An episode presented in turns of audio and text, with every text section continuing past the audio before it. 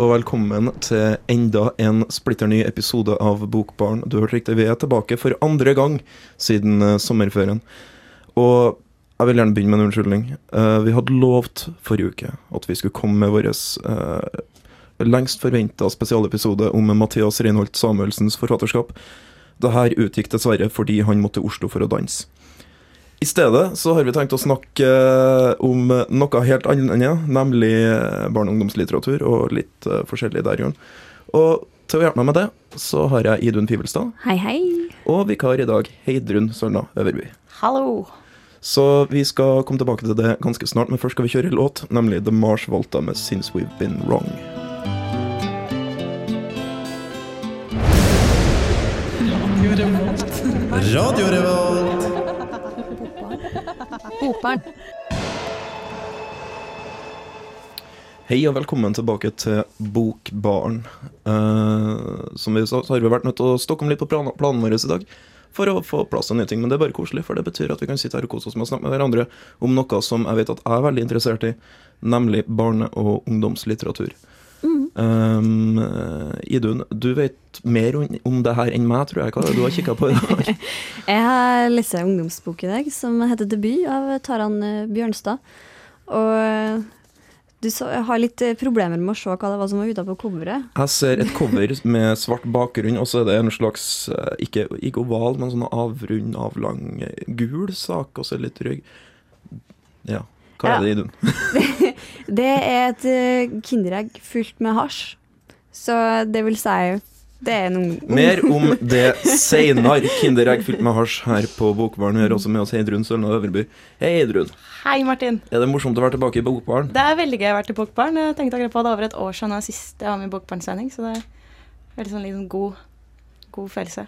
Ja, vi får håpe at vi klarer å holde på den gjennom hele programmet. Det hadde i hvert fall vært eh, å foretrekke fremfor alternativet.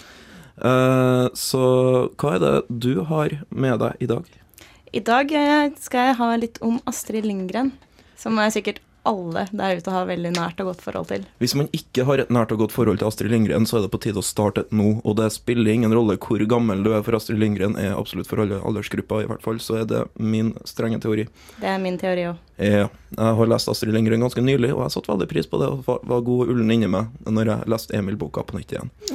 Ja, ikke sant? Nei, men det er veldig, veldig koselig. Eh, men vi skal komme tilbake til dette her. her. Eh, vi skal kjøre enda en låt, og så kommer ukas bok, og så kommer det enda en låt. Og så skal vi snakke om dette her. Og den låta som kommer først, det er The Dodos med Fables.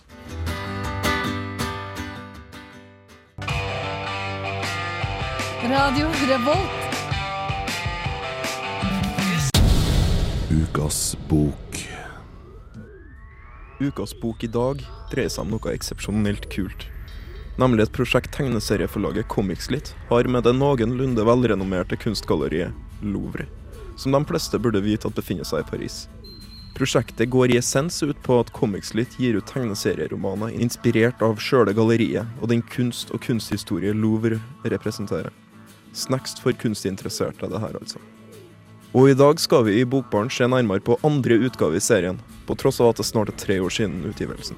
Den har fått den engelske tittelen The Museum Vaults og er skrevet av franskmannen Marc-Antoine Mathieu.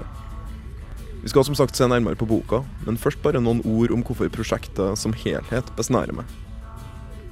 På mange måter er Louvre, med sin eksepsjonelle posisjon i verdens kulturlandskap, en av de høyeste autoritetene som kan tenkes når det gjelder å definere kunstnerisk verdi.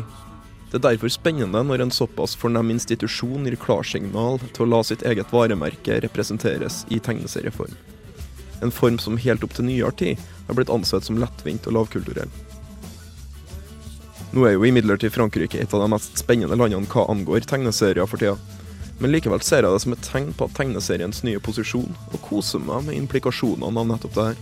Det er jo faktisk sånn at den vestlige tegneserien, på tross av sin tradisjonelle lavkulturelle posisjon, er et krystallklart produkt av vestlig kunsthistorie. Bilder har blitt brukt til å fortelle historier i flere tusen år, altså opp fra hulemalerier til kirkelige glassvinduer som skal opplyse allmuen om kristen historie. Historiefortelling er jo menneskets største kunnskapsformidler, og jo flere metoder vi har for å formidle, desto mer kunnskap finnes i omløp. Og når tegneserien dukka opp som ny popkulturell kraft for litt over 100 år siden, så var det som en videreutvikling av denne trangen til å fortelle historier på så mange måter som mulig. Og da var det bare et spørsmål om tid før dens potensial som medium ble innsett, og at tegneserien, som andre kunstretninger før den, tok det nødvendige steget fra reinspikka underholdning til avansert kunstform. Denne serien fra Comicslit og Louvre er faktisk en aldri så liten milepæl på den reisen. Og for en flott liten milepæl boka er. Marc-Antoine Mathieu har altså skrevet andre og foreløpig siste utgave i serien, som altså heter The Museum Waltz. Boka er ikke mer enn 60 sider lang og presenteres som utdrag av kunsteksperten Volumers dagbok, som tilbringer hele sin voksne alder med å evaluere den kolossale samlinga som finnes inne i Louvre. Men i den tida historien finner sted i, har Louvre forandra seg til det ugjenkjennelige. Publikum er ikke til stede, galleriet tilsynelatende bare befolka av eksperter, kuratorer, restauratører, gamle menn i trange trapper. Og det hele fremmedortert understrekes av Mathieu's svart-hvitt-tegninger, og noen ganske klare referanser til billedkunstneren Escher, så vel som til Albert Udersos tegninger i Asterix. Litterært har mange anmeldere sett Kafka som en nærliggende inspirasjonskilde. Og når man leser om ekspertens endeløse jag gjennom kunsthistoriens irrganger og håpløse størrelse, kan man se hvorfor. Men fremfor alt syns jeg historien preges av en vennligsinna ironisering om hva kunst har vært og blitt opp gjennom tida. I en veldig talende sekvens blir eksperten og hans assistent leda ned i en katakombe hvor museet lagrer tomme støpeformer av for lengst tapte kunstverk. Innerst inne i mørket peker guiden ut den tidligste støpeformen av et tapt kunstverk som kjennes til i museet.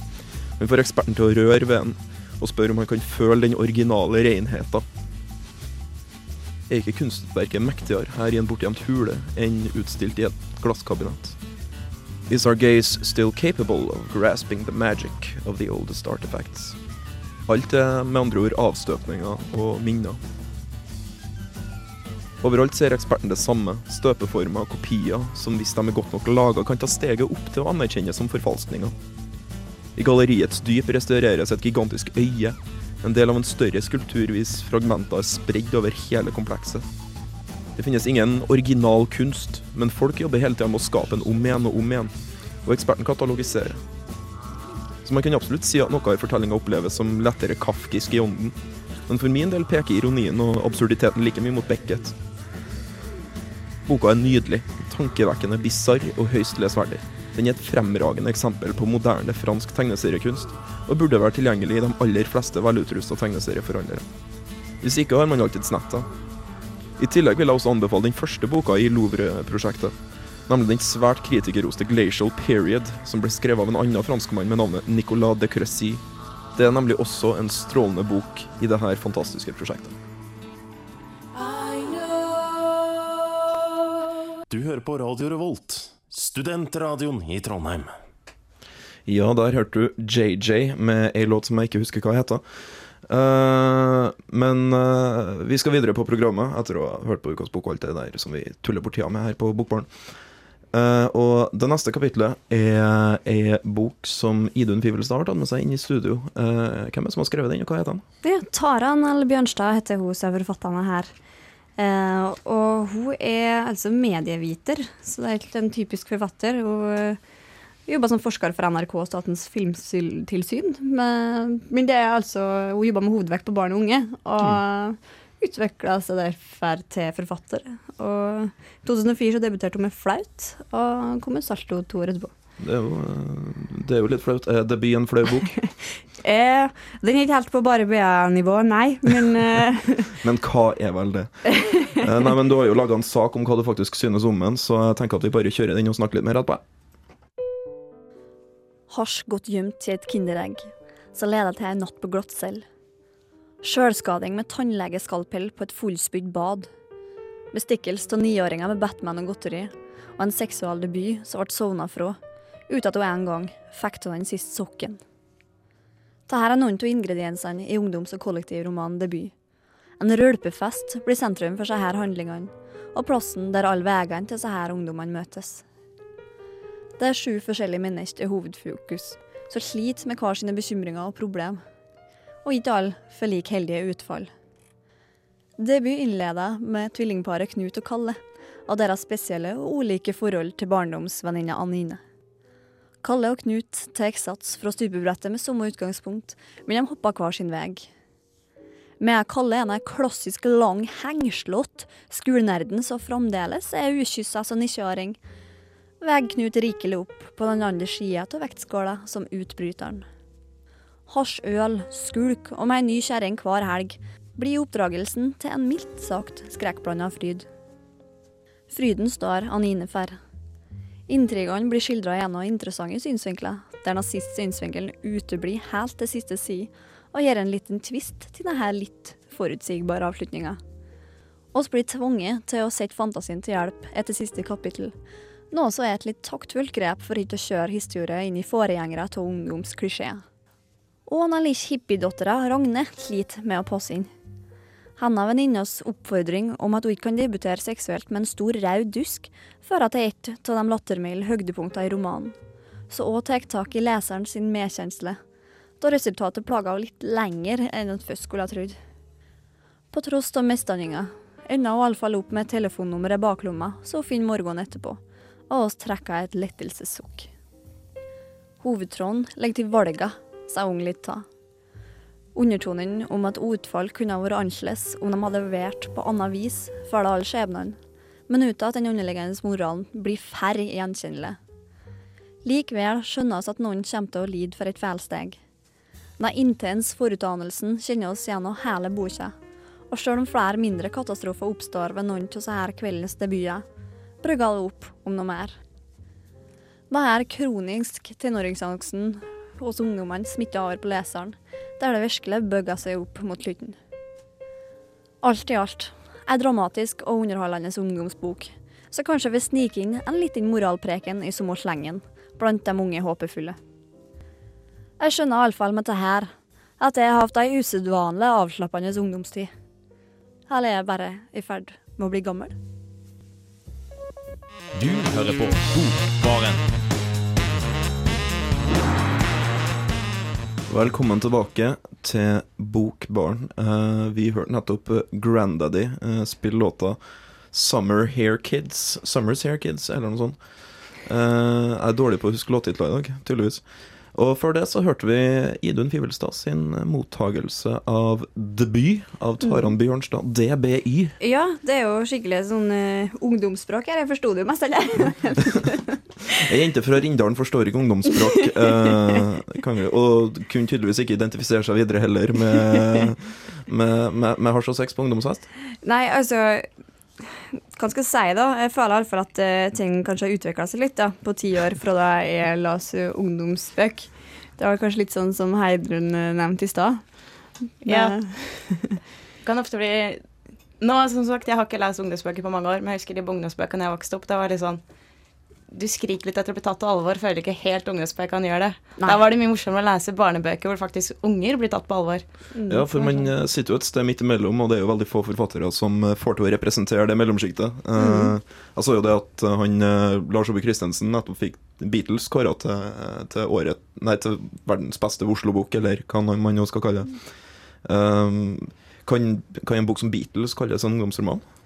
Eh, altså, Den kan jo leses, leses av både barn, voksne og ungdom, på en måte. Eh, den appellerer kanskje litt mer til alle aldre enn den her, da. Den her Altså, jeg, jeg digga jo Beatles. Eh, jeg digga ikke debut, men eh, jeg tror kanskje mange 14- og 15-åringer kommer til å gjøre det. Mm. Det, det er ganske aktuelle tema, og Taran er uredd.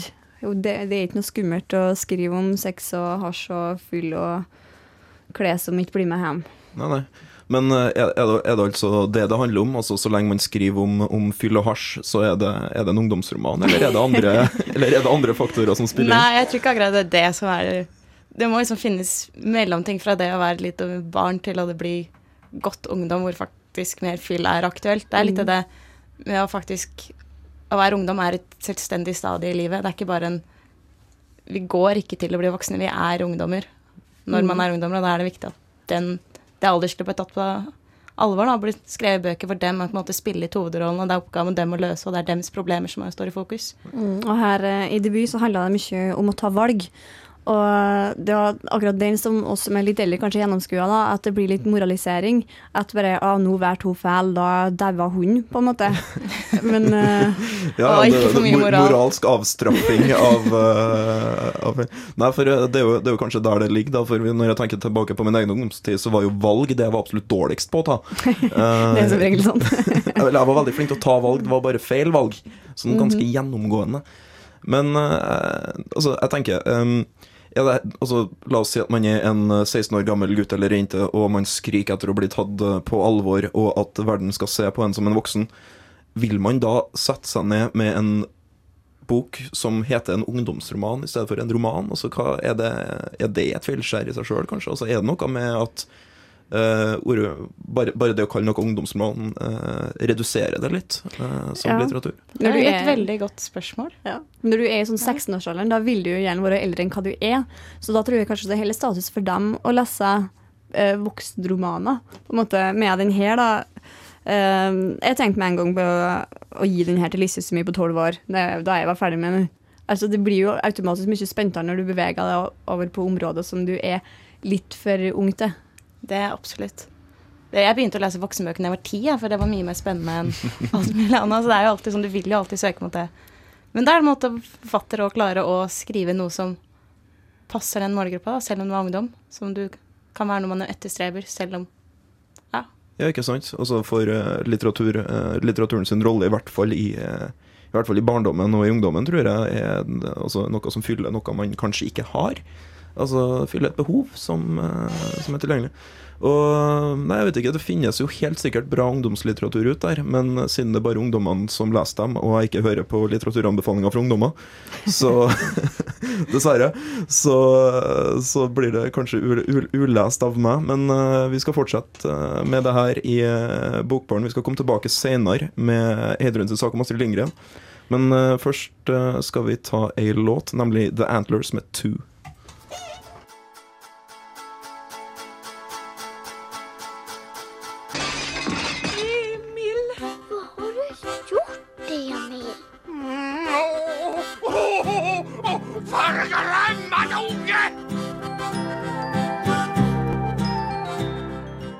Astrid Anna Emilia Lindgren, født Eriksson, ble født den 14. november 1907 i Vimmerby i Sverige. Hun vokste opp med to kjærlige foreldre og tre søsken. Som 18-åring jobbet hun som journalistlæring i lokalavisa, og ble der gravid sammen med avisens sjefredaktør. Men i stedet for å gifte seg med han, valgte hun å flytte til Stockholm, hvor hun senere også giftet seg med sin daværende kontorsjef Sture Lindgren.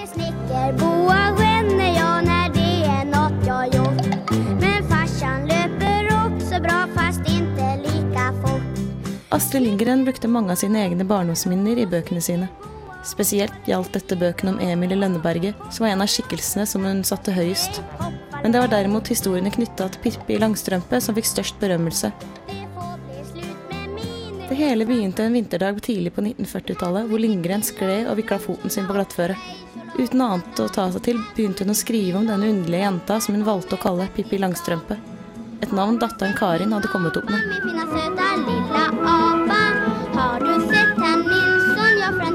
Faktiskt så begynte eventyret. Før 50-åra var omme, hadde hun servert sine lesere godbitere som Mio min Mio, Karlsson på taket, Barna i Råkemakergata og Marken. Senere ble man også kjent med Brødrene Løvehjerte, som var hennes mest kontroversielle utgivelse, og Vi på Saltkråkan, og til slutt Ronja Røverdatter, som ble hennes siste verk. Den siste boka om henne kom ut i 1981, da Lindgren var 73 år gammel. det bra ha Kom nu alla vänner, kotte som jag känner Nu ska sa Hun har skrevet både idylliske fortellinger, detektivfortellinger og bøker om ensomme barn for barn. I tillegg har hun skrevet essays og bøker for voksne, bildebøker, sangtekster og film- og teatermanus. Alt i alt har dette solgt i nærmere 130 millioner eksemplarer, og er oversatt til godt og vel 76 språk. I tillegg har det blitt laget omtrent 40 filmer basert på hennes bøker, og hun har også vunnet en lang rekke priser. Gris, lille gris, lille søte grisen Astrid Lindgren var også meget politisk engasjert, og i de siste 30 årene av sitt liv ytret hun seg ofte i samfunnsdebattene. Hun engasjerte seg mot svensk medlemskap i EU, forsvarte husdyr og engasjerte seg i miljøverndebatten. Men høyest av alt var hennes brennende engasjement for barnas rettigheter, og hun valgte å donere mye av sin rikdom til ulike formål som hun trodde på. På broa, lille mor, lille mor, lille søte mora, hun fikk skor. Astrid Lindgren døde 28.1.2002 etter et kort tids sykeleie pga. en virusinfeksjon. Hun ble begravet på selveste kvinnedagen 8. mars.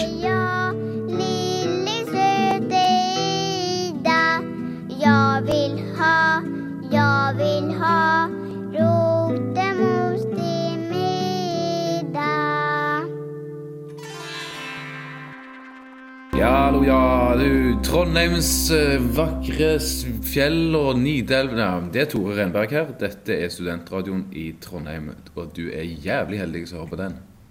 Ikke bare er du heldig som hører på Studentradioen i Trondheim, eh, eller Radio Revolt som vi heter nå. Du er også heldig som hører på Bokbaren. Og mens du satt og hørte på Cornershop med The Role of Characteristics, så satt vi og mobba dialekter til Idun Fivelstad. Eh, nå skal vi over på noe annet. Før pausen så hørte vi Heidrun sitt gamle portrett av eh, kanskje den mest eh, fornemme barnebokforfatteren i vestlig kulturhistorie, vil jeg si, nemlig svenske Astrid Lindgren. Eh, som ikke bare jeg, men jeg tror alle her i studio eh, har et eller annet form for forhold til. Eh, hva er ditt, Heidrun? Eh, hun er vel egentlig den personen jeg tør si har hatt som barnebok, eller skaper av barnehistorier vært den viktigste for meg. Altså, jeg husker Brødrene Løvehjerte. Jeg kunne alle setninger i den, den TV-serien der på rams og bøker. Og liksom lest som kveldshistorie av mor og far, og det var Ronny Røverdatter. Det alt. Det var liksom Det var helt unikt må- å klare å skape barnehistorier. Ja, for vi snakka i sted når vi snakka om ungdomslitteratur, så snakka vi om overganger. Eh, forskjellige livsperioder. Og Astrid Lindgren er vel kanskje en av forfatterne som kommer inn i overgangen eh, mellom liksom pekebok til litteratur. Eh, altså Fra å Se tassen løpe til Dostojevskij så er Astrid Lindgren på en måte et ganske stort kapittel imellom der, fordi hun, hennes bøker jo oppleves så forskjellig i forskjellige aldre, og av forskjellige lesere i forskjellige aldersgrupper. Uh, Idun, hva er din favoritt? Det er Ronja Røverdatter, definitivt. Jeg hørte jo kalla Ronja gjennom hele barneskolen, fordi jeg hadde store, svarte håret og for å sprang som en tulling overalt. og las bøker. Bodde du i en borg også? Ja! På Romåsen. Hvem gjør ikke det, eh, spør meg. Eh, Nei, altså for eh, Vi snakker om Og en ting som jeg syns er veldig veldig interessant, og du nevner i saken din, når du sier at Brødrene Løvehjerte den her fantastiske, eh, ikke bare barneboka, men også skjønnlitterære mesterverket 'Brødrene Løvehjerte' var kontroversiell når den kom ut. Ja, jeg var litt sånn nysgjerrig når jeg fant ut det, for som barn syns jeg aldri den var kontroversiell. Men det var det med at hun skriver om død, at det er, små, det er jo to små unger, eller en liten gutt og en litt eldre bror, som dør. Ja. Og det, det var drap To der. ganger. Den dør to ganger. Og det var med et svært Den der Katla den dragen, og det var liksom Ikke blod, men det var så mye slåsskamp, og det var krig, og det død. Og det er ofte det at Men for meg var det mer sånn en trygghet. Jeg, jeg trodde på den verden etter døden, at liksom at alle som døde, de kom til, et, de kom til en verden En ny verden da, hvor det var nye muligheter og alt. Så jeg syns det bare var morsomt, jeg. Ja, Nangiala. Nangiala. Ja, Nangiala. Nangiala. Nei, men det er jo sånn jeg også husker det. ikke sant? Altså, jeg fant jo en eh, når, når jeg var eh, kanskje sju eller åtte år og leste Brø- 'Brødrene Løvehjerte', så syns jeg det var en veldig stor trygghet i det at noen faktisk snakka til meg om døden. Noe som jeg jo visste at var der, men ikke helt visste hva var. Altså, Man har en form sånn fornemmelse av eh, litt sånn kristen mytologi og en del sånne ting når man er liten, men det er jo ingen som på en måte snakker til deg om det. Og Det var kanskje der kontroversen kommer ifra òg. Det var vel òg det som var hensikten til Astrid Lindgren når hun skrev den boka her, med at hun syntes det var på tide at det her er temaer som unger trenger å få høre noe om. Vi skal ikke bare skjerme dem fra døden, Mm. men vi kan på en måte gjøre den litt trygg, da.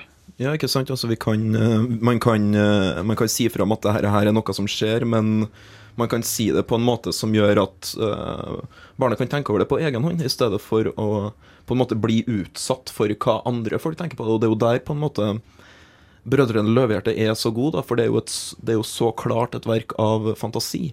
Det er jo ikke en lansering av en, eh, av en religion. religion eller et eller annet sånt. ikke sant? Det er, det er en fabulering eh, og, som setter i gang fantasien eh, til barn. Og det er jo interessant. Eh, Altså, men det, i og for seg så er det jo også et interessant spørsmål, og så er det tema som barnelitteraturen ikke skal ta opp. Ja, altså, jeg tenkte ikke over det. Da jeg var lita og leste så var det Jeg tenkte ikke over døden i det hele tatt. Det kom først senere, da jeg begynte å lese om at ja, det var kontroversielt. Så da Hun fortalte det altså på en så fin måte at eh, det ikke skremte noen, eller hva skal jeg si, da? I og med at eh, jeg var så fjern at jeg ikke engang tenkte over det. Så kan det umulig være kontroversielt. Altså, Jeg husker at jeg tenkte over at det var litt rart at de døde to ganger. Eh, så, så jeg syns det var litt snodig. Én gang greit nok, men to ganger det er litt for mye av det gode. Men eh, når man, eh, når man først eh, snakker om dette her altså, Man kan se på 'Piken med fyrstikkene', også H.C. Andersen, ikke sant, som også jo tar opp det her med døden. og- Det er jo mye verre. Ja, det, det, det, altså Der snakker man jo virkelig en tragisk historie, som jeg husker at jeg ikke var satt noe spesielt pris på når jeg var liten. Spesielt eh, på julaften, liksom. Ja, på julaften. Hvorfor skal vi sitte og snakke om dette her Det var alltid sånn høytlesning siste skoledag før jul. Så var det alltid en som fikk oppgave. Og så skulle, Nå hadde det var én lærer som satt og hadde høytlesning av 'Pike med svovelstigen'. Mm. Ja, Dere var heldige, også juleevangeliet. Også. Ja, det er forskjell på litteratur, og det er Det er en nydelig historie, da, men det er en ja, om død og ganske, Den er ganske trist. Jo, jo. Nei, uh, men så får vi vente til de blir litt eldre, vet du, sånn at de kan lese eh, bøker om eh, hasj og sex. Uh, når de er barn, så blir de voksne så fort, og du vet aldri f når poden har skifta litteratursmak. Uh, vi begynner å slippe opp for tid. Vi skal komme tilbake litt senere etter å ha hørt en låt. Nå skal vi høre 'Rapture' med Laura Wears. Hi, you're listening to Kate Pendry, and I'm doing a jingle for Radio Revolt, studentradio i Trondheim. And I just want you to remember, boys and girls, if you can't dance to it, it's not your revolution. Der hørte du altså Laura Wears med låta 'Rapture'. Uh, vi begynner raskt å nærme oss slutten på denne episoden av uh, Bokbaren. Og du som har fulgt med oss hele, ve hele veien, vet at vi har snakka om hasj og sex og liv og død og tegneserier.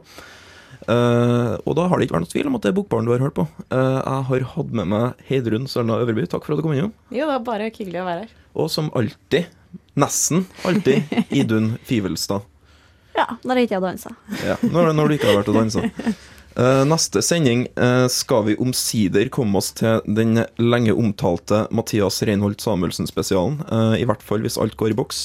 Vi skal snakke om eh, Mathias sin nye diktsamling som heter 'Utredning om trengsel'. Uh, han skal sitte i studio og bli veldig flau, håper vi på. Uh, og ja. Nei, jeg tror bare vi snakker just da. Her kommer Highlife med F. Kenya Mix 5.